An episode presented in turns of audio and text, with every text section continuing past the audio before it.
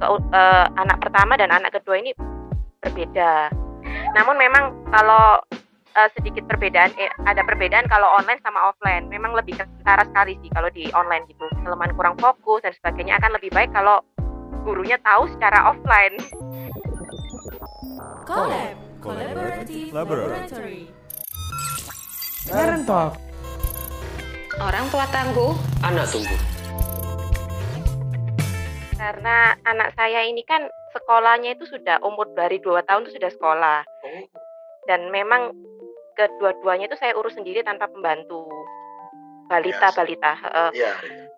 jadi uh, jadi segala kebutuhannya ke sekolah dulu sebelum ada pandemi ini saya memang yang menyiapkan semuanya seperti bekal peralatan sekolah dan sebagainya gitu loh karena memang ya kebetulan saya juga ibu rumah tangga.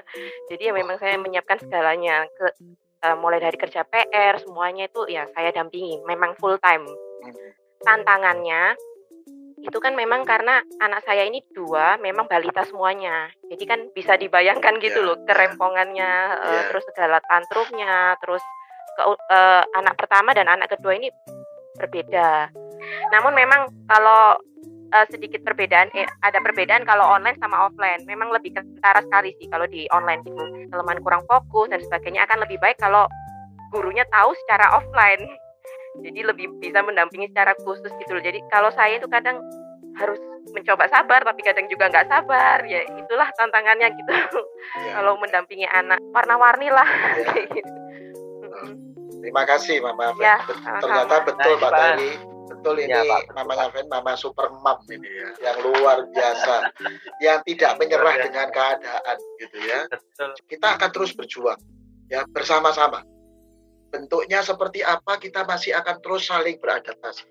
Kami teman-teman guru TK juga kapan hari ngobrol-ngobrol mereka juga sedang memikirkan bagaimana bisa menjawab kebutuhan-kebutuhan eh, bisa bertemu dengan anak secara langsung. Nah, teknisnya seperti apa ini yang terus sedang sedang dipikirkan, disiapkan bentuk-bentuknya seperti apa Bapak Ibu. Jadi eh, ada usaha-usaha untuk mencoba menggabungkan. Ya mau tidak mau. Jadi guru-guru juga harus punya semangat yang tinggi. Orang tuanya semangat, guru-gurunya juga semangat. Ya kita semua saling. Ya itu baru tantangan pendidikan. Ya, saya coba masuk ke tantangan yang lain. Kalau ini tantangan yang lebih ke daily sebenarnya. Jadi tantangan pendidikan ini bisa terjadi karena ada kondisi tantangan yang kedua dan ketiga ini yang tidak kita kuasai dan itu dampaknya ke sana. Nah, tadi saya bilang tantangan yang kedua itu adalah tantangan pertumbuhan. Artinya anak-anak kita secara biologis natural mereka bertumbuh. Dan bertumbuh itu artinya punya yang namanya tahapan atau tugas perkembangan. Jadi kalau di sekolah ada tugas PR, kalau ini tugas kehidupan, namanya tugas perkembangan. Artinya kalau PR, PR sekolah, PR sekolah untuk khususnya untuk anak-anak yang lebih besar, kalau mereka tidak mengerjakan PR, ya otomatis nilainya kurang. Ya mungkin ada kesempatan untuk remedi atau bikin PR di kemudian hari. Nah, demikian juga dengan tugas kehidupan. Tugas perkembangan ini, kalau pada bagian tahapnya itu mereka tidak mencapai itu, itu seperti ada ada ada kekosongan, ada ruang yang kosong, ada ada PR yang belum selesai, ada tugas yang eh, tugas yang belum selesai misalnya. Nah tugas ini kadang-kadang kemudian mencoba diselesaikan karena ini tugasnya dari dalam, bukan tugas dari guru memberi PR, tapi ini tugas dari dalam kehidupannya. Maka tugas ini akan menuntut di periode-periode selanjutnya. Ya. Nah, tugas ini akan meminta perhatian di periode-periode selanjutnya. Saya ambil contoh. Mungkin Bapak Ibu pernah melihat ada anak-anak yang meskipun sudah usia besar, mungkin remaja, perilakunya kayak anak kecil. Ya, bahkan masih ada yang maaf kata masih ngedot jari. Begini, masih pegang jari, suka ngedot jari. Kenapa? Mungkin ada bagian-bagian tugas perkembangan yang di masanya itu belum terpenuhi. Yang harus memenuhi siapa? Nah, ini adalah pola asuh. Tentunya dalam hal ini terutama memang peran anak, orang tua dan sekolah juga ikut terlibat di dalam. Nah, saya hanya menunjukkan sekilas saja Bapak Ibu ya. Jadi ini saya cuma ngambil sampai usia lima tahun tugas perkembangannya. Jadi bisa kita lihat, wah, terutama secara gerak, secara motor. Nah, mari kita coba cek anak kita termasuk secara komunikasi. Ya, misalnya anak umur satu setengah tahun, dua tahun, paling tidak dia sudah bisa apa? Sudah bisa nunjuk gambar, tahu itu gambar, menunjukkan bagian tubuh misalnya, dia tahu. Kemudian, nah menarik umur tiga setengah tahun sudah bisa mulai bercerita walaupun pendek menggunakan benda. Jadi kayak ya bikin cerita sendiri. Nah, bagaimana dengan anak kita? Kadang-kadang anak kita pada masa ini ya ngomongnya memang kadang-kadang bagi kita agak tidak jelas dan ngomongnya tidak tahu waktu sehingga ada sebagian orang tua yang kemudian atau bahkan juga bisa saja guru kemudian ketika anak ini dianggap ngomongnya tidak jelas kemudian di stop stop udah bisa bicara ya karena orang tua lagi capek lah atau apalah atau ngomongnya tidak jelas lah atau segala macam. Nah akhirnya tugas perkembangan yang harusnya dia mulai belajar mengalirkan kata atau bahasa ini jadi terhambat. Nanti kesulitan itu kebawa sampai di SD. Ya, terus sampai di SD.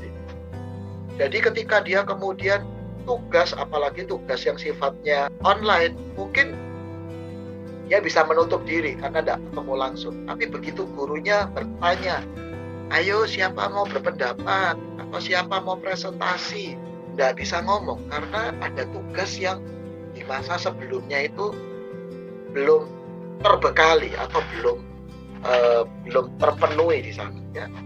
Soal macam-macam Bapak Ibu ya. Jadi termasuk uh, apa keterampilan-keterampilan motorik halusnya.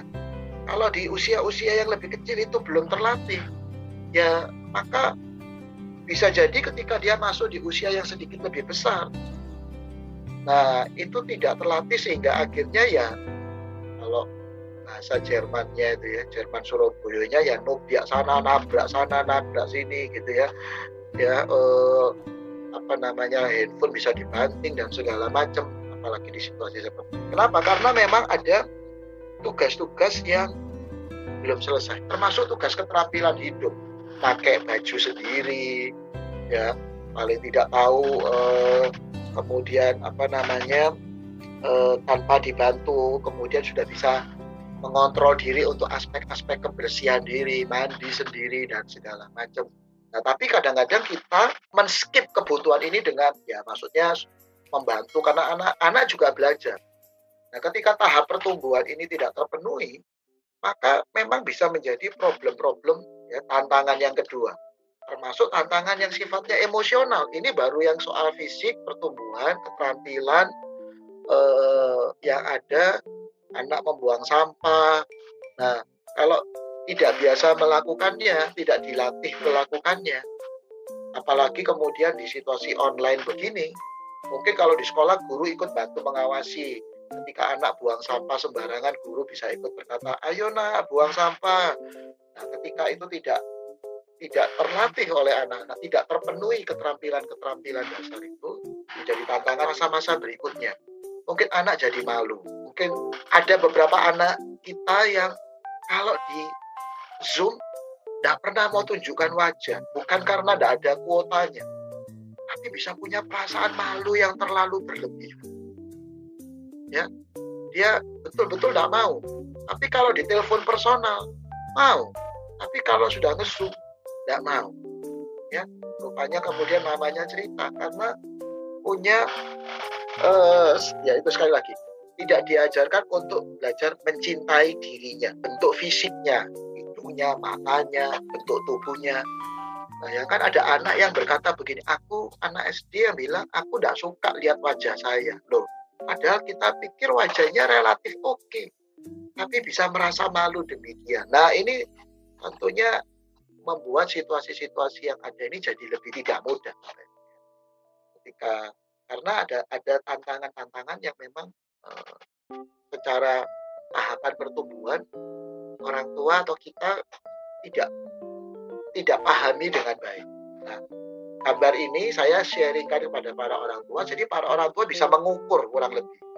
Anak saya kalau dilihat secara fisik keterampilan harusnya sesuai tidak ya dengan umurnya ya. ya. Apakah umur lima tahun masih pedot jari itu masih oke? Okay? Umur lima tahun, enam tahun uh, masih minta dimandiin terus. Ini challenge yang kedua soal pertumbuhan. Setelah ini nanti mungkin kita ngobrol. Nah, mungkin sampai di soal pertumbuhan ini, apakah para orang tua juga melihat ada adakah pertumbuhan yang tugas perkembangan yang belum tuntas. Nah, anak-anak kita ini sudah sampai pada tugas yang standar, yang sudah memang pada usianya. Atau ada yang kurang, atau bahkan yang mungkin kelebihan. Kalau yang kelebihan itu kadang-kadang kita sebutnya matang sebelum waktunya. Parent Talk. Orang tua tangguh, anak tunggu. Powered by Dharma Mulia Christian School, Surabaya.